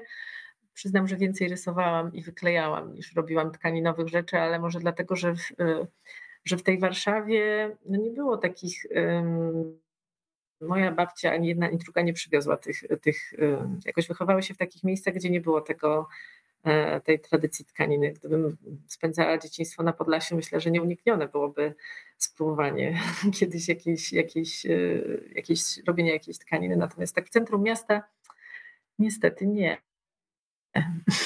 No Słuchaj, ja jeszcze przywołam takie nazwisko e, Karoliny Lizurej, asystentki Elwiry Stetner z, pracow Mhm. z pracowni tkaniny artystycznej na Wydziale Malarstwa Warszawskiej SP, ponieważ bardzo mnie ujęło to, co powiedziała. Nie interesowałam się wcześniej tkaniną, nie znałam trendów w tej dziedzinie, to była dla mnie tabula rasa. Cokolwiek robiłam, wydawało mi się to oryginalne, a w takiej sytuacji dużo łatwiej odnaleźć swój głos, bo nie jest zagłuszany głosami z zewnątrz. I to jest piękne, że czasami faktycznie, zresztą znam też artystów czy pisarzy, którzy w momencie, kiedy pracują, nie czytają nic innego, żeby się nie Mhm. sugerować czyimś stylem, bo czasami nawet nieświadomie kradniemy pewne zdania, czy określenia, czy porównania i to się staje jakbyś tak, tak jest to nam bliskie, że bierzemy za swoje. I tutaj podoba mi się to, że wkraczając na taką, do takiej nowej dziedziny sztuki i myślę, że nigdy nie jest za późno, można po prostu iść w ciemno, ale dzięki temu mm, słuchać tego, co gdzieś tam w środku nas prowadzi. Bardzo mi się to podobało. Powiedzmy trochę o, e, o tym rysowaniu nicią i o takim myśleniu rysunkiem i malarstwem, jeżeli chodzi o, o, o tkaninę Hmm. artystyczną. W ogóle teraz, ym, ja jak w ogóle pierwszy raz zobaczyłam pracę Karoliny Lizurej, e, zresztą chyba właśnie na Mazowieckiej, to ja myślałam, że to jest malarstwo, w sensie, że to jest jakiś rysunek, bo to z daleka wyglądało zupełnie jakby było e, namalowane, na, naszkicowane jakimś ołówkiem albo piórkiem. Potem się zorientowałam, że to jest haft. E, I e, co ciekawe, Karolina, Karolina eksploruje takie dosyć nietypowe, nietypową tematykę, ponieważ jej prace przedstawiają sceny e, głównie kobiety z powstania warszawskiego. E, I ona to, ona to haftuje na takich e, błyszczących materiałach, trochę takich kojarzących się z takimi satynami z pościeli, kiedyś jak były takie pościele. I czasem są to dwie warstwy z watoliną w środku, więc jest to takie trochę 3D. No i właśnie mm, mi się podoba też ta prostota w ogóle podejścia do tej pracy, bo ona mówi, że po prostu siada na kanapie i ogląda coś na Netflixie e, i sobie, i sobie wyszywa. Więc tak bez żadnego robienia z tego wielkiej filozofii pod tytułem, jak to artystka wielka idzie do pracowni i, i w ogóle. No ale jest to rzeczywiście taka, e, akurat tutaj w przeciwieństwie do tkania i kurzenia wełną, tutaj można to robić na kanapie. E, co ciekawe, e, właśnie ciekawy, ciekawy jest ten motyw z tego powstania, ale co ciekawe, w ogóle haft ma teraz swoje 5 minut w tkaninie, bo w tej tkaninie są też mody, E, i oczywiście moda na recycling trwająca e, z wiadomych przyczyn właściwie we wszystkich chyba dziedzinach naszego życia od kilku lat, e, więc bardzo często w tej tkaninie są wykorzystywane różne używane części garderoby i w ogóle różne używane rzeczy.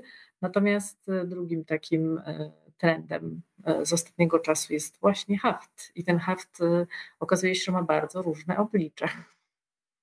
E, pojawiają się tylko na razie tutaj takie sugestie, że to były standardowe zajęcia ZPT, ale czy to miało jakąś nazwę? Bo faktycznie też pamiętam jakieś takie przypalanie z tą rurką i, i że to było takie lekko przypalone, więc zastanawiam się, czy to miało nazwę, czy faktycznie możemy uznać, że E, że to były takie klasyczne e, zajęcia, bo widzę, że coraz więcej no osób to pamięta.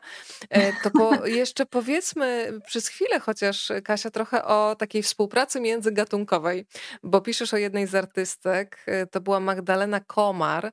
absolwentka mhm. jednej z paryskich szkół, która tak naprawdę zaprosiła do współpracy pszczoły, więc mamy efekt pracy i pomysłu człowieka z, połączony z pracowitością pszczół i to też jest niezwykłe. Tak, tak, to jest bardzo ciekawe. Jak usłyszałam o tym projekcie, to to był projekt doktorski i to jest fantastyczny projekt wykładowczyni z warszawskiej ASP, która projektuje tkaniny takie użytkowe też, e, więc tu jest znowu taki mariaż e, e, artystycznego podejścia do tkaniny i takiego projektowania na potrzeby na potrzeby szycia garderoby po prostu, bo to są akurat tkaniny chyba ubraniowe. Więc projekt polegał na tym, że, że zostały przygotowane ramki E, które zostały wypełnione, e, tak jak się pszczołom podrzuca puste ramki, żeby one sobie zrobiły swój plaster i go zaczęły tam wypełniać. E, tak tutaj ramki zostały przygotowane tak, że były w nich takie elementy metalowe różne, czyli coś już zostało im podrzucone i one musiały coś z tym zrobić zaczęły budować na tym, co dostały. I to jest efekt tej pracy, takiej wspólnej, że dostały już coś gotowego i dołożyły coś swojego e, i wyszła właśnie taka tkanina, dlatego że, dlatego że mamy tę ramkę, mamy elementy filcowe, mamy elementy metalowe, e, no i tę pracę pszczół. E, no i to też jest na przykład przykład tkaniny artystycznej. Ktoś jakby to zobaczył, to pomyślałby, no nie wiem, myślę, że jakby zapytać przypadkowych przechodniów, co to jest, to mało kto wskazałby tkaninę artystyczną jako dziedzinę, więc ta tkanina artystyczna jest o tyle fascynująca, że jest bardzo pojemna, e, że coś może być e, zakwalifikowane jako rzeźba, a jest też tkaniną. E, I to jest też taka cecha tkaniny, która mi się podoba, oprócz tej magii, która w ogóle wokół niej jakoś się unosi dzięki, dzięki tej pracy ASP sprzed lat i Eleonory Plutyńskiej, królowej tkaniny polskiej.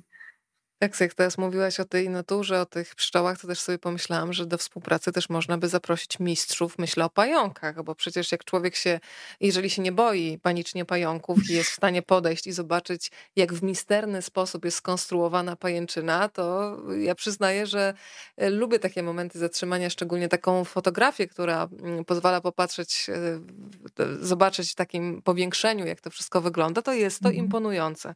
Chciałam jeszcze, żebyśmy trochę porozmawiały o Jolancie Jolancie Rudzkiej-Habisiak. Ja przyznaję, że też ta różnorodność pracy, jakie tworzyła, jest imponująca. E, I mm, chyba najbardziej lubię e, tę pracę pani Jolanty, którą e, umieściłaś, to jest praca Rain.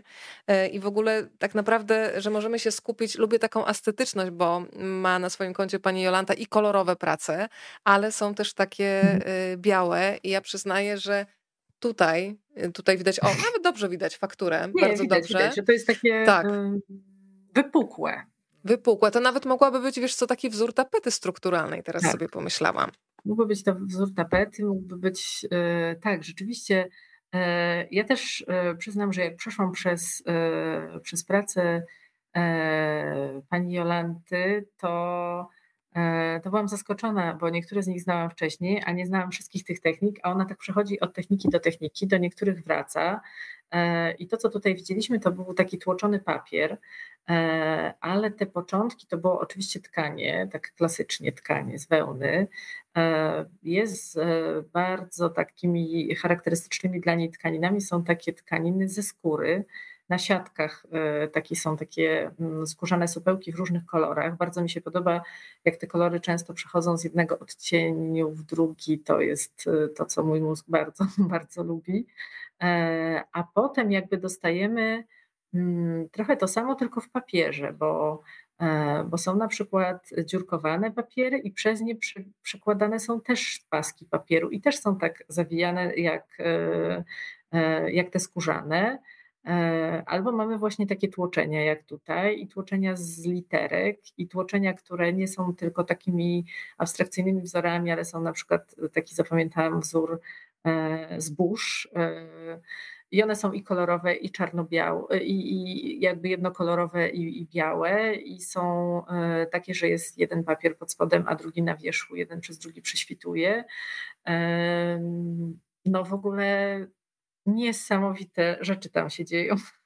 Wiesz, dla mnie, jest, dla mnie jest ciekawe, jak tak obserwuję właśnie, to jestem ciekawa, co na przykład za kilka lat jeszcze pani Jolanta nam pokaże, bo to jest... Yy no pokazywanie, że, że cały czas y, ten artysta jest w drodze i już na tak. przykład przyzwyczaja do czegoś, a potem pojawia mhm. się właśnie taki ascetyzm i gdyby ktoś na przykład powiesił mi, znaczy jak już się dłużej przyjrzę, to oczywiście, że widzę elementy wspólne, mhm. ale myślę, że gdyby one były rozrzucone gdzieś na wystawie, to bym pomyślała, mhm. że to są na przykład prace pochodzące z rąk różnych artystek tak, czy artystów, e, ale myślę, że właśnie na tym polega wielkość też artysty, że nie zakopuje się tylko w tym, co już e, świetnie zna i co mu mhm. świetnie wychodzi, tylko cały czas próbuję nowych dróg y, i ja tutaj jestem wielką fanką pani Jolanty Rudzkiej-Habisiak i będę się przyglądać cały czas, co, co jeszcze spod jej rąk po prostu wyjdzie. Oj, tu jeszcze, tu jeszcze dużo zobaczymy. E, jeszcze mi się przypomniało, że tak charakterystyczne, e, jej charakterystyczne prace to są E, z takich strzępów starych map, z takich właściwie nie strzępów, tylko też takich paseczków. Stare mapy są pocięte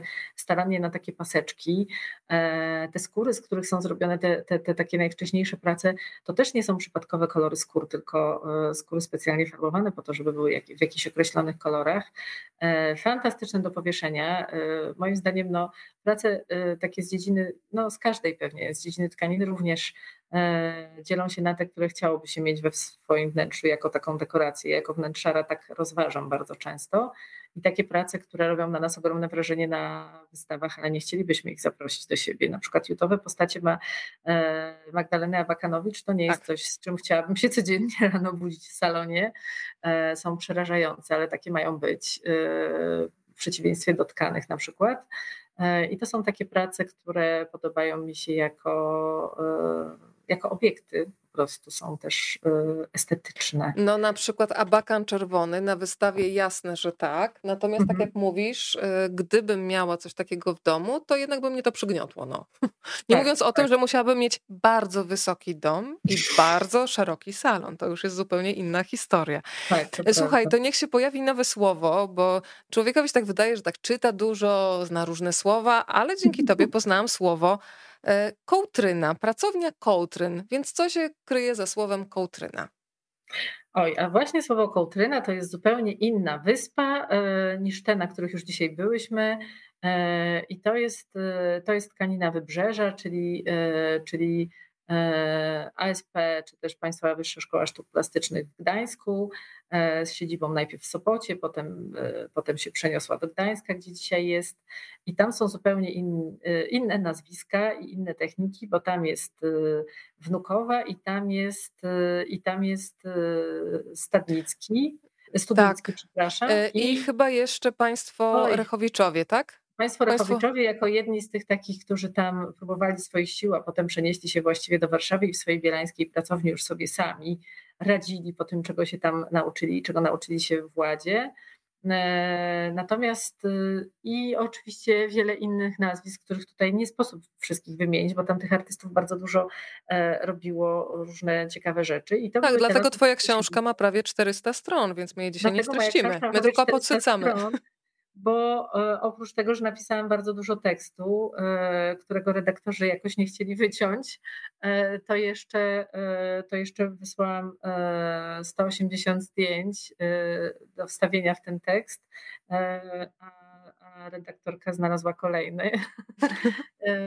więc, więc ona jest po prostu bardzo taka, no rzeczywiście Ciężko jest z nią jeździć w torebce po mieście, bo ramię można sobie nadwyrężyć. E, natomiast wracając do tkaniny wybrzeża, to są kołtryny, to są lata 50., połowa lat 50., kiedy jest ta moda na nowoczesność i na to malowanie.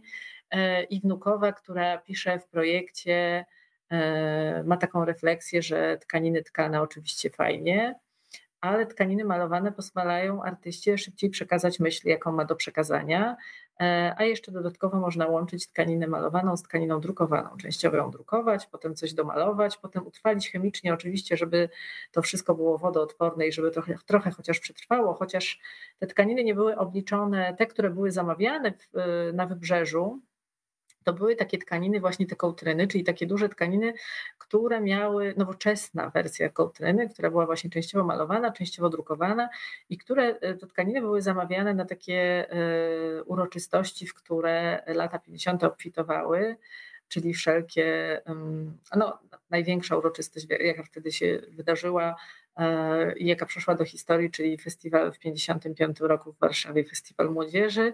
E, I tam zrobiono dekorację taką 100-metrową e, nad scenę, ale też zamawiano na różne takie imprezy organizowane przez władze państwowe, różne takie, takie kurtyny, które miały stanowić tło dla tych imprez y, taką ładną oprawę graficzną gdzieś tam z tyłu. Więc one były właściwie obliczone na takie jednorazowe użycie, może dwurazowe. I, i um, ciekawa jestem bardzo, ile ich przetrwało w Muzeum Narodowym w Gdańsku. I mam nadzieję, że ta książka będzie pretekstem, żeby to sprawdzić. E, uśmiecham się, jeżeli ktoś z Muzeum Narodowego w Gdańsku e, trafi na, na, na, to spotkanie nasze kiedyś w sieci, to ja bym bardzo chciała zobaczyć, co tam w magazynach jest, czy rzeczywiście one były tak potraktowane jednorazowo i gdzieś usunięte, wyrzucone, czy rzeczywiście gdzieś tam przetrwały. E, natomiast to jest właśnie przykład, y, przykład takiej tkaniny użytkowej e, i przykład tej, e, tej refleksji takiej, że to tkanie wymaga jednak cierpliwości, wymaga czasu i, I zanim artysta zdąży przekazać to, co chce przekazać, to już go nie interesuje, bo już jest myślami gdzieś indziej. E, I malowanie jest na to metodą. E, malowaliśmy oczywiście nie tylko na wybrzeżu, bo malowaliśmy na przykład tam jeszcze wśród artystów byli e, Milwiczowie. Milwiczowie to jest takie nazwisko kojarzone z Milanówkiem i z Jedwabiem Milanowskim. I w Milanówku też dzięki Biuru Nadzoru Estetyki Produkcji eksperymentowano z drukami i, i malowaniem tkanin. E, eksperymentowano, robiąc różne, różne e, amatorskie przyrządy, jakieś gąbki, jakieś stępy drewniane, którymi też stemplowano takie tkaniny i to były tkaniny rzeczywiście o takim charakterze no, paraprzemysłowym, które miały być produkowane seryjnie i miały iść w świat. I oczywiście, jak to zwykle bywa z takimi tkaninami, mimo że od kilku lat już obracam się w kręgach kolekcjonerów tej sztuki powojennej, to jakoś tak no, nie ma tych tkanin. Ja spotkałam się z taką informacją, e, że one rzeczywiście nie były może jednak najlepszej jakości i po prostu e, po jednym, drugim, trzecim praniu nadawały się już tylko na ścierki, więc więc nie, nie, nie zostały dla nas po prostu, chyba że ktoś kupił, wsadził do szafy i nie używał do niczego. Bardzo żal, bo, bo czyta się o nich w książkach, a nie ma ich przykładów za wiele.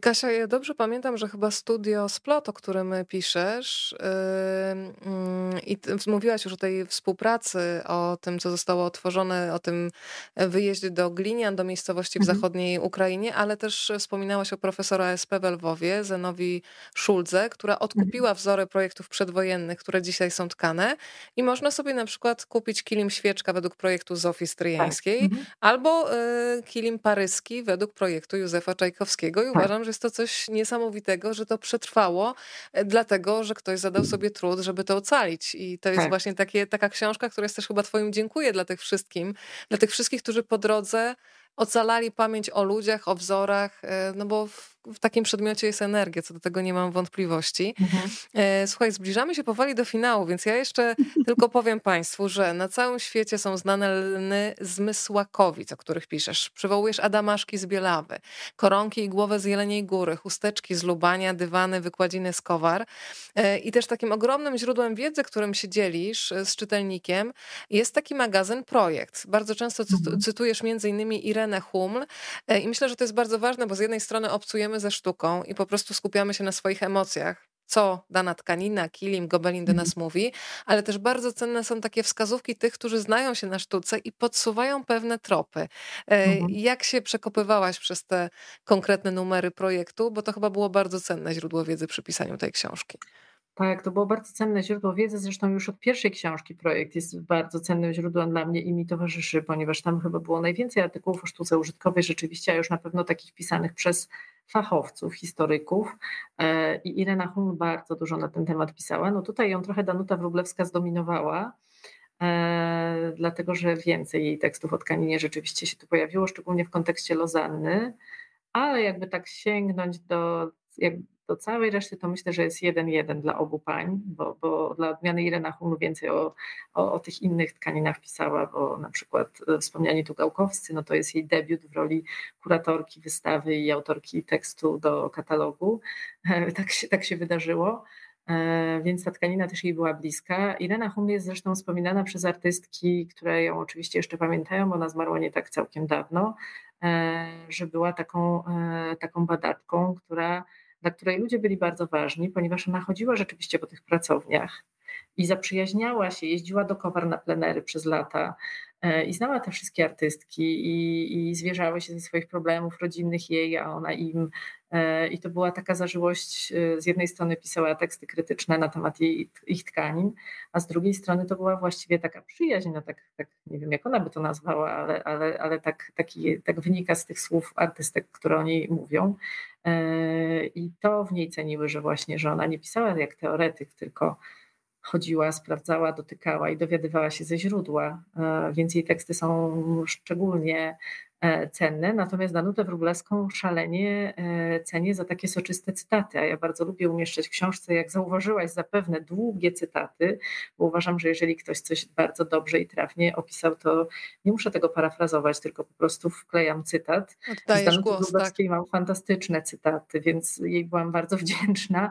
E, jej teksty zresztą zostały przez Narodowe Centrum Kultury zebrane w takiej książce chyba w zeszłym roku czy dwa lata temu wydanej grubaśnej szalenie, E, więc no cóż, mogę polecić. Ja mam ją na półce, niestety nie czytałam jej oczywiście, bo nie mam na to czasu, ale, ale na półce bardzo ładnie wygląda, bo jest gruba i kolorowa i myślę, że kiedyś znajdę na nią czas i wtedy, e, i wtedy zgłębię też dokładnie teksty z innych dziedzin, które zapewne już gdzieś tam miałam okazję czytać, ale to e, moja pamięć jest jak pamięć złotej rybki, bo ja na przykład jak teraz czytam E, moją książkę, albo jak czytam poprzednie moje książki, to gdyby ktoś, e, gdyby ktoś mi podsunął jakiś cytat z mojej książki, to obawiam się, że mogłabym nie poznać, że jest z mojej książki. To słuchaj, możemy się umówić, że następnym razem e, zrobię taki teleturniej i będę cię pytać, czy ten fragment pochodzi na przykład z książki opakowania, czyli perfumowanie śledzia o grafice, reklamie i handlu w PRL-u, czy to jest na przykład twoja książka o Hannie Lachert, czy jeszcze inny tytuł. Słuchaj, to powoli zawijamy do brzegu po tych naszych podróżach po różnych wyspach, jak pięknie powiedziałaś. Zastanawiam się, czy możesz już powiedzieć, w jaki temat teraz jest zaangażowana Twoja głowa?